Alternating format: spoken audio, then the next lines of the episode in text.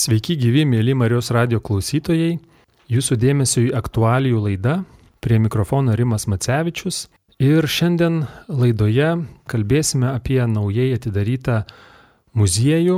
Rugsėjo 21 dieną Tuskulėnų rimties parko memorialinėme komplekse atidarytas muziejus pavadinimu projektas Homo Sovietikus. Apie sovietmečio projektą siekį sukurti sovietinį žmogų ir man malonu pristatyti studijos svečius Tuskulėnų rimties parko memorialinio komplekso vedėją Dovilę Lauraitinę. Labą dieną. Sveiki. Ir taip pat e, vyriausiai muziejininką Roką Miknevičių. Sveiki. Sveiki. Taigi, rugsėjo 21 dieną atidarytas šis muziejus. Atidarimo metu įsiminiau, kad šio muziejaus, šios ekspozicijos idėja buvo brandinta netgi keliolika metų. Tai galbūt galėtumėt papasakoti, kaip gimė šios ekspozicijos idėja, kaip ji vystėsi. Na gal pradėsiu aš, pasakydama tai, kad pati mintis kilo labai seniai, nes kilo diskusijos dėl sovietinio laikotarpio, dėl išgyvenimų ir susibūrė istorikų grupė, tarp kurių yra ir Rasa Čiapaitinė, Margarita Matulytė, e, Arūnas Streikus, Virginė Rudienė, bei vėliau prisijungė ir Valdemaras Klumbys. Ir būtent poreikis parodyti jaunai kartai tą tokį šydą, tą iliuziją, parodyti tą realybę, koksgi buvo tas sovietinis žmogus, kurį norėjo sukurti. Tuo pačiu tai išplaukia ir iš mūsų centro įstatymę numatytų uždavinių - tirti tiek nacijų, tiek sovietų okupacinius laikotarpius ir tai įamžinti. Kokie buvo iššūkiai politiniai, kūrybiniai, ūkiniai iššūkiai surenkti šį muziejų, atidaryti šią ekspoziciją? Na, gal pati pradžia buvo nuo tai, kad Tuskulėno rimties parke buvo surasti E, žmonių palaikai, kuriems mirties bausmė buvo įvykdyta NKGB MGB kalėjime 44-47 metais ir buvo nutarimas 2002 metais įsteigti memorialinį kompleksą, e, pastatyti amžino polisio vietą, perkelti aukų palaikus, o pastatus pritaikyti muziejiniams erdvėms. Ir būtent Baltajame dvarelė yra daugiau nei prieš dešimt metų įrengta ekspozicija Tuskulėno dvaro paslaptis, kur pasakoja apie dvaro istoriją, apie aukas. Na, o dvaro rūmose tai yra kaip ir sentimentas į tai, kad dvare gyveno žmonės, gyveno savo, turėjo savo gyvenimus, išgyvenimus. Ir būtent tiek nacijų, tiek sovietų okupacijos laikotarpius patyrė įvairias represijas. Tai simboliška, kad šis, ši ekspozicija atsirado Tuskulėno dvaro rūmose. Iššūkiai Tai buvo tie, kad e, reikėjo atsižvelgti į kultūros paveldo departamento prašymą, kad būtų viskas palikta autentiška dvaro rūmuse, kad nebūtų jokių invazijų į sienas.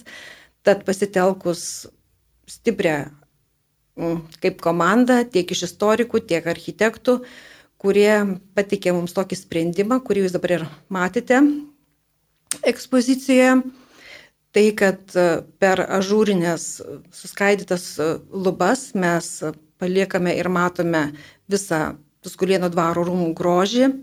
Na, o pati ekspozicija yra padalinta į penkias temas, nes žmogaus gyvenimas, to sovietinio žmogaus, kurį bandė sukurti sovietinė totalitarinė sistema, persipina per moralę žmogaus, tapatybę ir jo transformaciją, persipina per jo kasdienybę, kultūrą bei tikėjimą.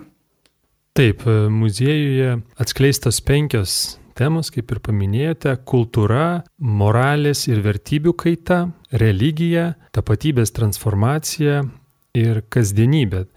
Ir šios penkios temos e, pateiktos trim lygmenimis. E, galbūt galėtumėte apie šią idėją, kokie tie trys lygmenys ir kodėl būtent taip nuspręsta suorganizuoti muziejaus ekspoziciją? Na, tie trys lygmenys kaip ir parodo, kad mes pristatome visą istoriją, ne tik viena spalva, nu, visą tas margą pasaulį mes, na, parodom per tos būtent lygmenys. Tai pirmasis lygmuo tai yra oficialus kas buvo skelbiama sovietų oficialiuose šūkiuose ar, na, visa ta propaganda, sakykime. Na, antras lygmo tai maždaug, na, realybė, kaip žmonės iš tiesų gyveno, be abejo, be jokių tokių iškraipimų, vis tiek pagal sistemą, bet, nu, sakykime, su įvairiais tokiais, nesakyčiau, kad pasipriešimais, bet tokiam normalumu, normalumu. Na, o be abejo, trečias lygmuo tai yra būtent tie iškraipimai to oficialaus kalbėjimo, tai ar būtų pogrindiniai leidiniai, bandymai kovoti prieš tą sistemą įvairiausiais būdais, ar iš meninės pusės, iš religijos pusės, iš kasdieninės pusės. Tai ir būtent tai ir yra mūsų šio muzejo na, unikalumas. Visos šitos temos persipina ir susijungia į prisiminimų simbolinę alėją, kur lankytojas gali pamatyti tuo metu gyvenusius asmenis bei ideologizuotas asmenybės personalės, kaip, nu, pavyzdžiui, Antanas Niečkus sutikti, Roma Kalanta, kunigas Debski, Grinkevičiūtė, bet gali pamatyti ir priekybininką, ir melžėją, statybininką, kolūkio pirmininką. Ir audio gido pagalba, kurį mes esame irgi parengę lankytojams, yra galimybė išgirsti pagal autentiškus faktus parengtus jų pasakojimus. Labai įdomu tas pateikimas lygmenimis. Galbūt galėtumėte vieną pavyzdį pateikti, kas yra eksponuojama, vieną kokį reikšminį ir tuos tris jo lygmenis. Mhm. Taip, e, man labai e, iš tikrųjų patinka būtent e, nu, kultūros salėje meno potėme ir būtent joje mes parodėme, žinoma, tris eksponatus ir kiekvienas iš jų tam tikrame lygmenyje. Tai pirmas lygmuo galėtų būti ir yra Lenino portretas. E, menininkai buvo skatinami ir finansiškai tapyti e, sovietų lyderius, nes už juos gauna na, daugiausia pinigų. Tai, va, sakykime, ir Leninas, ir Stalinas ir taip toliau. Antras lygmo tai būtų toks neutralus piešinys, ar mažydo raižinys, ar ekslibriso toks nu, vaizdavimas, labai neutralus, e, ne prieš sistemą ir ne kaip ir už, na tiesiog toks pavaizdavimas, na tokios praeities Lietuvos be jokių tokių politinių reiškinių, labai toks paviršutiniškas, na, paprastas darbas, kurį menininkas galėjo padaryti, ne tai kad laisvalaikiu, bet nu, po oficialių darbų iš tikrųjų. Na, o trečias lygmo, tai mes pavaizduojame amžiną liepsną, jeigu aš neklystu. Joje slapta buvo išaižyti trijų negyvų partizanų, kaip ir tokie, nu, ne portretai, bet, nu, siluetai, sakyčiau. Ir jeigu tokį darbą pristatytų kaip oficialų, tai ne tik, kad išmestų iš kūrybinės organizacijos, bet ir įkalintų ir net dar nu, blogiau galėtų būti. Tai va, tok, tokie darbai maždaug buvo slepiami tik stalčiuose, nu ir labai garsiai nekalbant, tik, na, tik su, nu, nežinau, gal su giminėm arba, na, virtuvėje. Tai va, va, čia būtų toks variantas. Na, nu, dar jeigu galėčiau pasakyti, tai toje pačioj salėje, tai apie muziką. Muzika kaip ir dabar ir visą laiką buvo labai didžiulė žmonių gyvenimo dalis. Tai pirmam lygmenyje yra kantata apie Staliną, Jozo Talat Kelpšos e, kūrinys. Kūriniai taipogi apie ideologiją, apie tos pačius lyderius buvo labai ir skatinama, ir, bet iš tikrųjų žmonės nei laisvalaikiu tai norėjo dainuoti, nei nieko. Nu, tiesiog nu, reikėjo tą daryti. Antrame lygmenyje tai yra be abejo e, kopų balsai. Irgi e, vinilas, originalus, autentiškas ir be abejo tai irgi paprastas natūralus kūrinys. Nei už sistemą, nei prieš. Na, o trečiam lygmenyje tai yra e, jau devintam dešimtmetyje išleistas e, punk roko grupės e, Psycho Laxative albumas. E, ten be abejo e, rankų darbo, toks koležas, irgi parodom, nu, va, tokią ir, ir, ir įvairiausias pusės to gyvenimo. Ir oficiali, ten tokia na, didžiausia opera apie Staliną, paprasta paltinės, ir taip toliau, estrada tokia, na ir tada visas tas e, roko pogrindis. Ką simbolizuoja simbolis pagrindinis? Aš net nežinau, kas tai per daiktas, e, toks liktai kažkoks įrenginys ant galvos su trim stripais ir e, tiek projekto tinklapyje jis vyrauja. Ką tai reiškia ir kodėl pasirinktas? Kas tai per daiktas? Na, gal aš pirmą dar keli žodžius pasakysiu apie tai, kad visoje muziejaus ekspozicijoje dominuoja raudona spalva. Tai iliuzija į tą sovietinį laikotarpį. Ir taip kaip ši ekspozicija yra skirta žmogui, kuris gyveno Sovietų sąjungos, Sovietų Lietuvoje, dar kitaip vadinama homo sovietikus, tai mes pasirinkome simbolių galvos matuoklį, kuris tikrai yra autentiškas ir buvo pritaikytas mediciniais tikslais, buvo matuojama žmogaus galva, bet kaip simbolis, kad sukant e, tą matuoklį, jį veržiant žmogaus galvą, buvo bandoma pakeisti jo ir mąstymą. O kokiu tikslu buvo matuojama galva? Mediciniais tikslais. Tai tyrimai kažkokie. Taip, taip. Nes aš dar įtariau, galbūt čia kažkoks kankinimo įrenginys, kur galva spaudžiama trim stripais. Tai um, kaip uh, buvo pasirinkti ir renkami eksponatai, iš kur jie gauti uh, muziejuje ekspozicijai išstatyti artefaktai, kurių girdėjau, kad per 3000 ar, ar teisingai? Taip, labai dėkojame kolegoms, mūsų centro darbuotojams, dėkojame muziejams, archyvams, bibliotekoms, kurie geranoriškai mums suteikia net lygintinai eksponatus ar eksponatų kaip dokumentų skaitminius vaizdus. Na, ypatingai dar padėka privatiems asmenims, kurie geranoriškai atėjo, atnešė mums ir padėjo ir sakė, jeigu tinka, paimkite. Labai džiaugiamės, kad um, aktyviai dalyvavo jaunoji karta, kuri neišmetė, netvarkydami tėvų, senelių namus ar įsigiję nekilnojamą turtą, suradę jį, jie atnešė mums. Ir dabar mes turime daugiau nei 3000 vienetų daiktų, kurie savo laiku virs uh, eksponatais. Nes dabar eksponuojame virš 200 ir tikrai labai džiaugiamės ir norime, kad žmonės diskutuotų, bendrautų, išsakytų savo nuomonės, pageidavimus. Ir atsižvelgdami tai mes tą ekspoziciją tobulinsim, ją kai kurios eksponatus pakeisim, jeigu mes matysime, kad iš vieno ligmens eksponatas turi pakilti į kitą ligmenį ir į tai po diskusijų galėsim padaryti. Tai žodžiu, muziejus nėra baigtinis, jisai numatytas netgi keisti, gal tai yra toks tyčinis sumanimas, kad tai nebūtų statiška. Taip, taip, tai ta mintis yra, kad visą laiką mes galim jį atnaujinti, jį galim keisti ir, kaip minėjom, labai norim, kad žmonės diskutuotų. Tai muziejus yra gyvas, kaip ir e, gyvas to laikotarpio tyrinėjimas, nors ir jau pasibaigė seniausiai tie metai, bet idėja ir na, visas tas, na, sakyčiau, prisiminimas apie tuos laikus, jis yra čia muziejuje, kaip ir na, akademijai. Na ir net pats pavadinimas mūsų muziejus ekspozicijos tai yra projektas Homo sovietikus.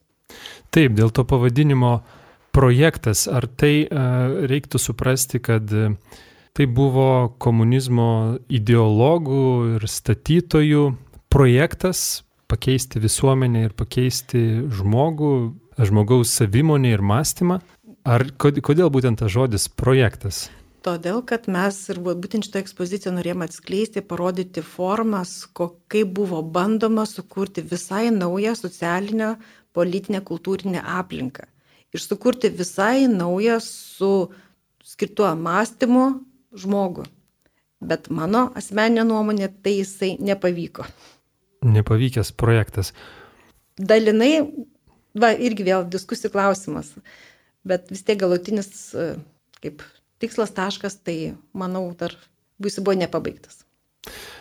Koks muziejaus šios ekspozicijos tikslas pagrindinis? Galbūt yra daug, daug tikslų, siekių, parodyti, vat, kaip jūs sakote, tai, kas buvo bandyta padaryti ir nepavyko. Rokas minėjo jaunai kartai pateikti tai, kas buvo, ar tai daugiau supažindinimas, ar tai kažkoks perspėjimas, a, žodžiu, mhm. kokie tikslai ir siekiai visos šios ekspozicijos. Mhm. Tai muziejus iš karto iškelia klausimą, netgi iš pačio pavadinimo, kas tas homo sovietikus, kas čia per iškinys. Tai būtent mes ir parodome, kaip jis buvo statomas. iš visų gyvenimiškų aspektų. Ar tai būtų, e, nu, ta pati religija, ta kultūra, menas, taip toliau, taip toliau. Kaip tai buvo daroma? Tai visų pirma, praeities savimonė ir praeities žmogus turi būti ištrintas ir pamažu pakeistas e, į tą naują, dar man atrodo pačių komunistų neišgalvota idėja, koks naujas žmogus turėtų būti. Ir čia ir buvo toks ir projektas su milžiniškom nesėkmėm, bet galbūt ir kokiam ir, na, gal, nu čia jau kaip žmogus pasižiūrėtų ar pliusais ar minusais. Na, o jaunimas, jis tame laikė negyveno, be abejo ir aš negyvenau, tai mūsų žinios apie tą laiką yra ar nu, šališkos ar nešališkos, jos girdėtos iš kitų. Ar iš tėvų, ar iš draugų, ar iš aplinkos, nu ir iš tokio principo. Tai dažniausiai jie arba turi savo nuomonę, arba tokią, na, negilę. Tai būtent šią muziejuje tas jaunas žmogus gali ateiti ir pasižiūrėti, gerai, ar tai, ką man sakė, yra tiesa, ar melas. Ir jeigu taip, tai eisiu aš pats ir išsiaiškinsiu. Nes iš tikrųjų muziejus atrodo kaip ir tokia ir laboratorija, kaip ir visas tas na, reiškinys, to naujo žmogaus statymas tos penkios salės, penkios laboratorinės salės. Eina žmogus ir bando ištirti iš savo pusės, ant kiek a, žmogus ir dabar panašus, ir iš vis ne, nebeegzistuoja tokių, nežinau, charakteristikų kaip anksčiau. Tai man atrodo, todėl ir gal ir būtų įdomu tikrai jaunimui ir netgi mes jau vis, visą savaitę atidarėm visą muziejų ir be abejo girdėjau iš savo pažįstamų, kurie jau buvo apsilankę, kad minėjo, šiame mūsų muziejuje yra tiek daug visko, kad e, reikėtų antrą kartą ateiti. Nes vienoje salėje galime išbūti visą valandą iš tikrųjų. Jeigu taip giliai įsižiūrėtumėm į na, viską, ką mes parodome. Nes taipogi visose penkiose salėse yra penki terminalai. Ir visose terminaluose yra na, skirtingos temos. Jeigu, tarkim, mes esam na, religijos salėje, tai tame terminale yra būtent informacija apie religiją. Taipogi terminale yra video įrašai, mes juos vadiname melo rekonstrukcija, demaskavimu.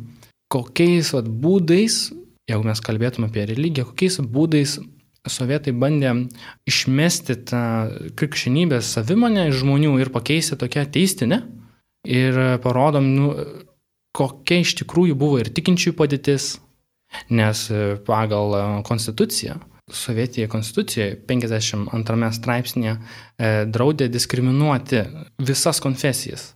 Nors iš tikrųjų tai buvo absoliutus melas. Mes matėme, kaip buvo uždarinėjami ir vienuoliniai, ir bažnyčios, vietoj jų įrenginėjami ar, nežinau, muziejai, sporto salės, sandėliai. Ir šiaip, kas yra labai liūdna ir net tokia laštikšti ironija, kad Lietuvos globėjas Šventasis Kazimieras. Vilniuje yra jo bažnyčia, Švento Kazimiero bažnyčia. Sovietmečiu ji buvo visiškai pergurta į ateizmo muziejų, kas iš tikrųjų dabar pagalvojus būtų, na, šventvagiška.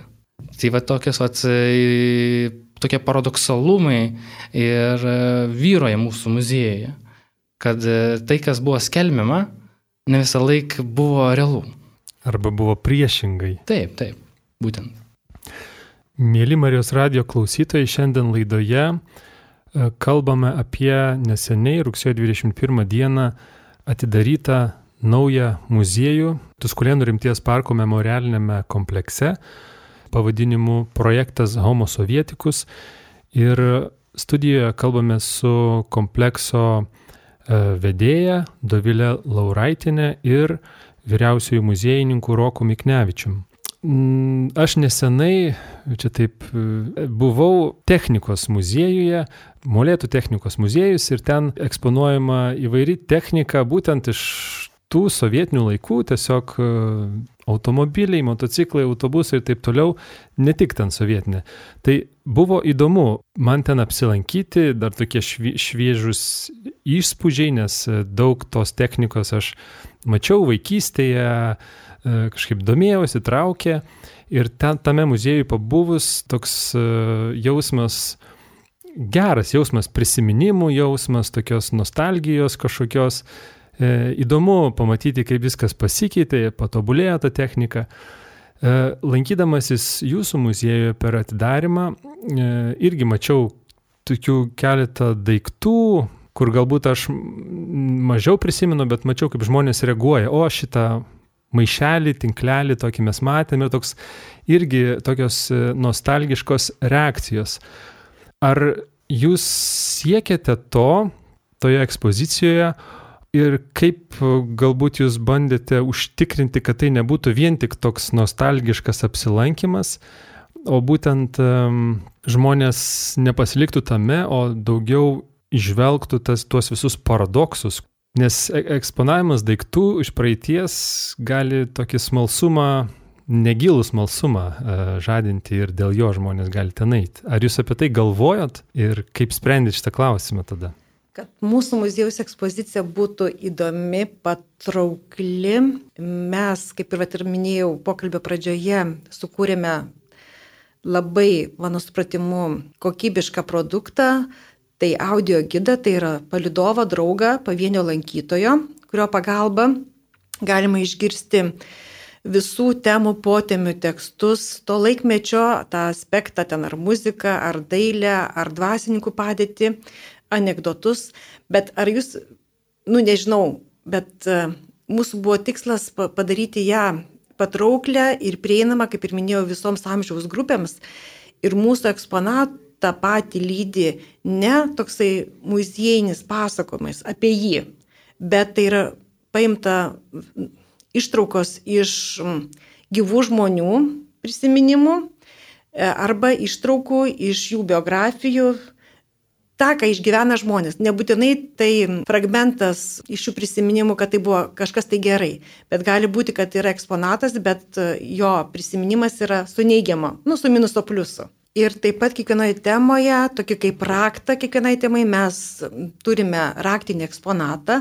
Na, pavyzdžiui, religijos temoje mes pateikėme net du eksponatus. Tai yra bažnytiniai liturgijoje, kiek manome, kiek žiūrėjome albumuose, taip pritaikyta yra žydų, žydų liturgijoje taurė, kurią sovietų laikais buvo įteikta kaip apdovanojimas už sportinius laimėjimus.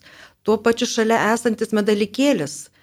E, mūsų supratimu ir kiek aš pati pamenu iš savo tėvų, senelių, kad dažniausiai būdavo e, atvaizduojamas nukryžiuotasis arba švenčiausia mergelė Marija.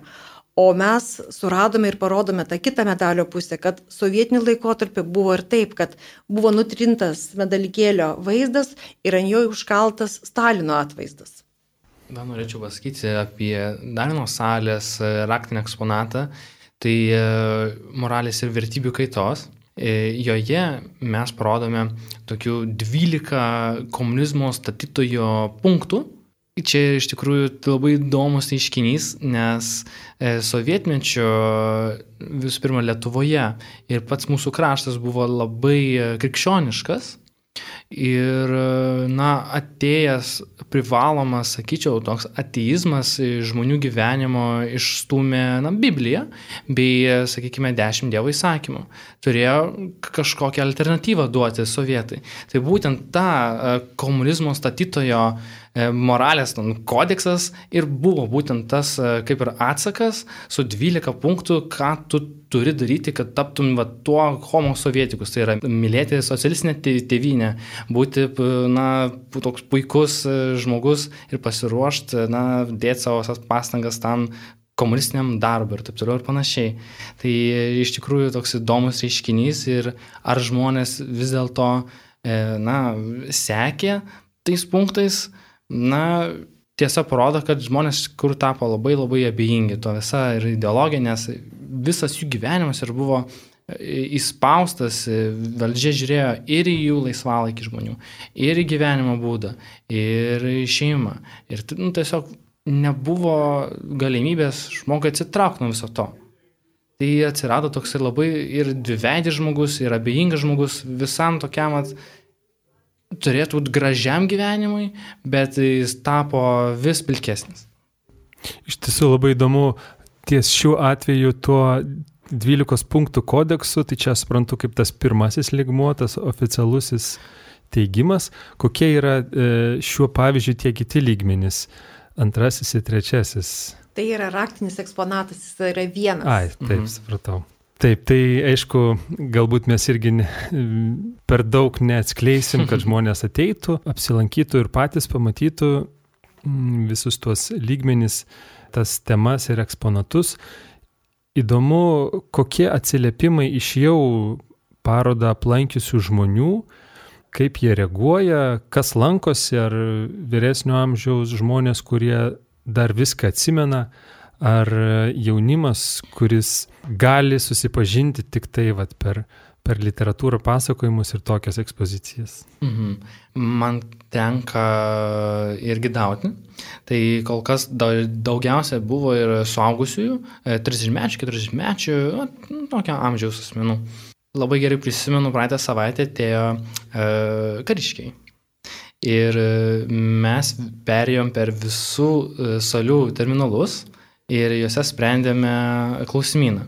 Ir taipogi dar paminėsiu, kad kiekvienas klausimynas yra išskirtinis ir nu, priklauso nuo kokiai salė yra žmogus.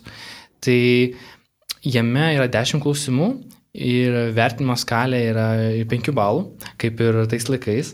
Tai iš tikrųjų visi atspėjo, na, sakykime, vidurkis buvo 5. Tai reiškia, labai puikiai pasirodė lankytojai mūsų, e, nes žinios e, išliko, bei galima iš eksponatų ir iš e, nuotraukų ir iš tų pačių video reportažų arba melo demaskavimo gauti, nu, tikrą ar netikrą, bet, na, realų vaizdą tų, me, nu, tų laikų. Tai todėl ir lankytojai atsiliepia, kad iš tikrųjų mes parodome taip, tą melą, tą propagandą, nes jį ir buvo. Jeigu mes sakysime, kad jos nebuvo, tai ir mes meluotume. Bet ir tuo pačiu metu parodom, kad ne, žmonės kovoja prieš tai. Jie kovoja ir galime nusipiešti pilną paveikslą to meto. Bet be abejo, tas laikotarpis, kaip ir mūsų muziejus, gyvas, nuomonės keičiasi, atrandami nauji dalykai istoriniai Ir e, kas yra iš tikrųjų įdomu apie mūsų muziejų, tai jis, jis gyvas yra. Jis būtent gyvas, o jaunimas taipogi jiems labai irgi įdomu iš savo pusės viską patirti. Taip yra ar YouTube'e įvairiausi video kronikos apie tą laiką, bet, na, tik tiek galima iš tų video ir gauti savo informaciją. Nu, galbūt uh, negilę.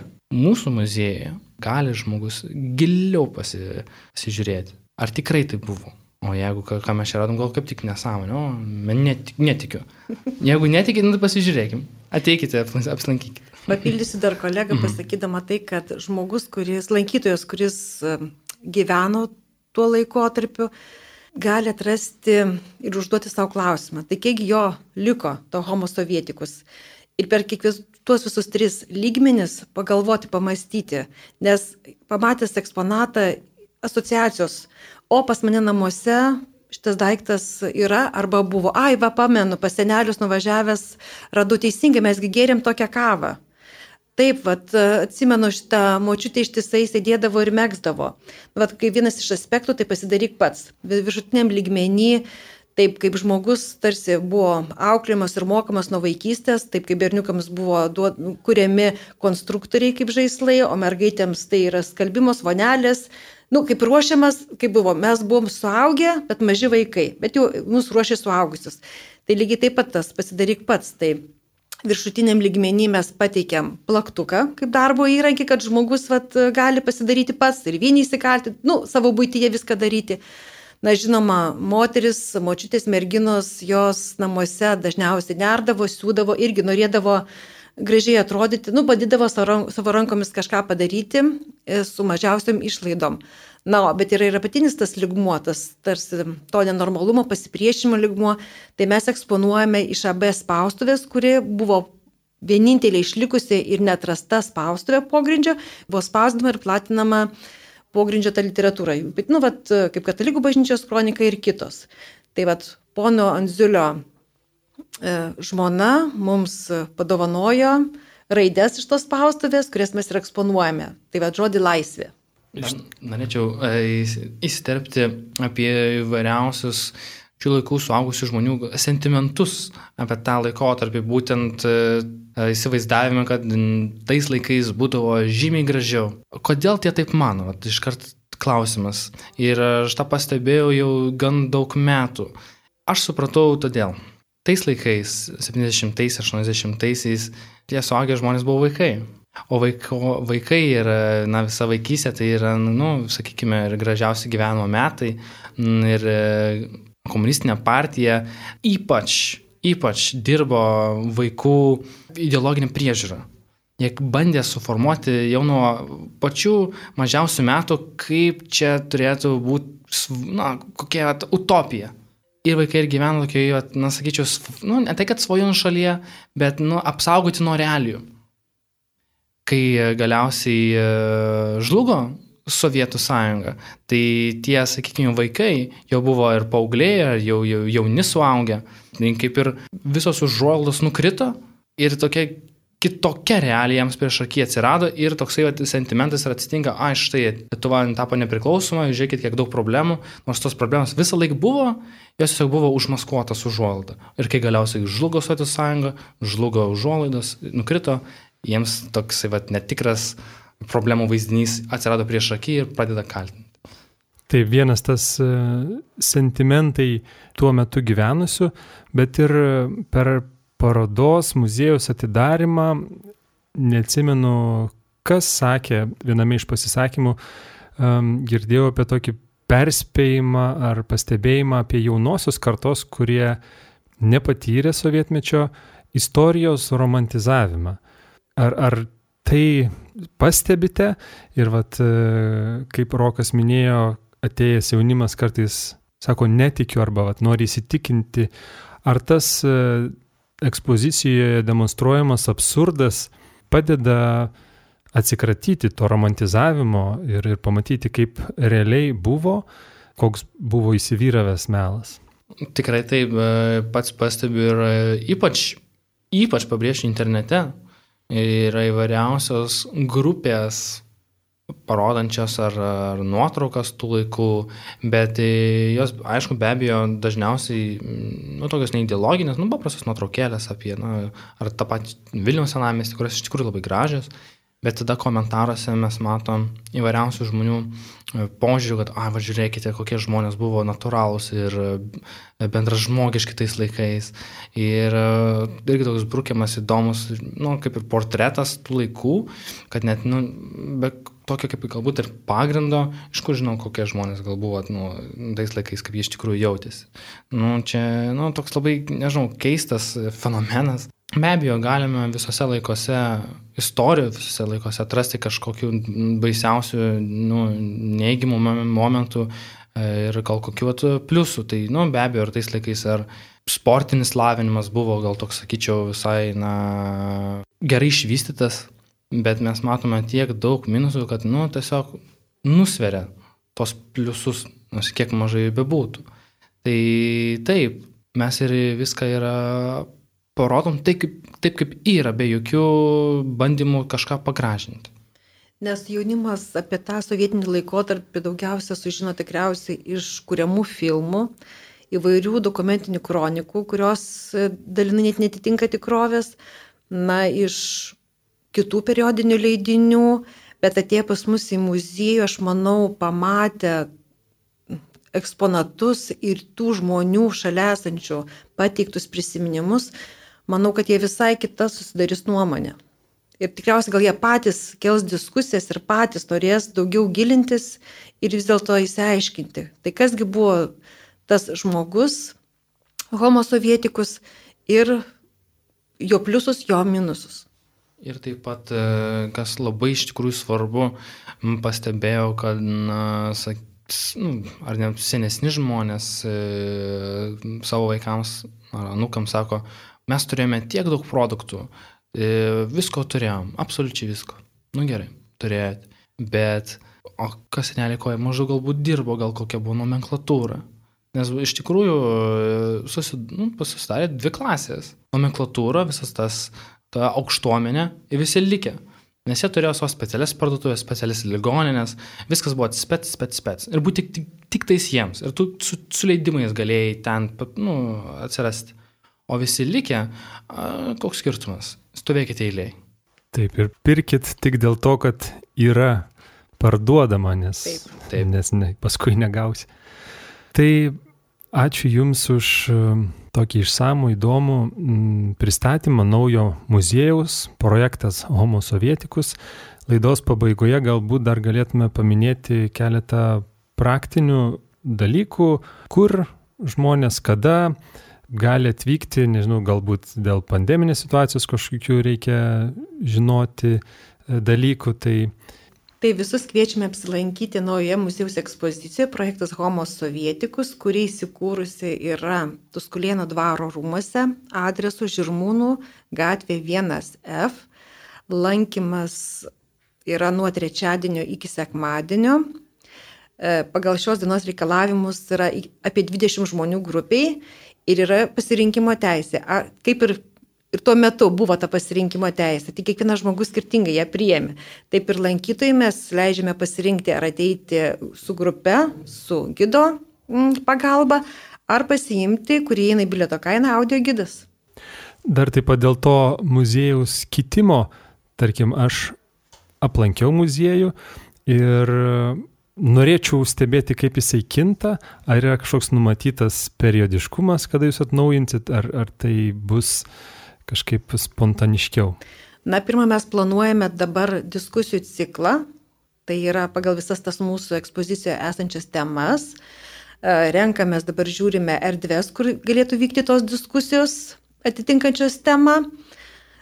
Ir pasižiūrėsime ir tada jau galėsime sudaryti ten tą planą, jeigu vat, bus poreikis ir kiek laiko ir, ir, ir kokiomis formomis mes tada jį bandysim atnaujinti.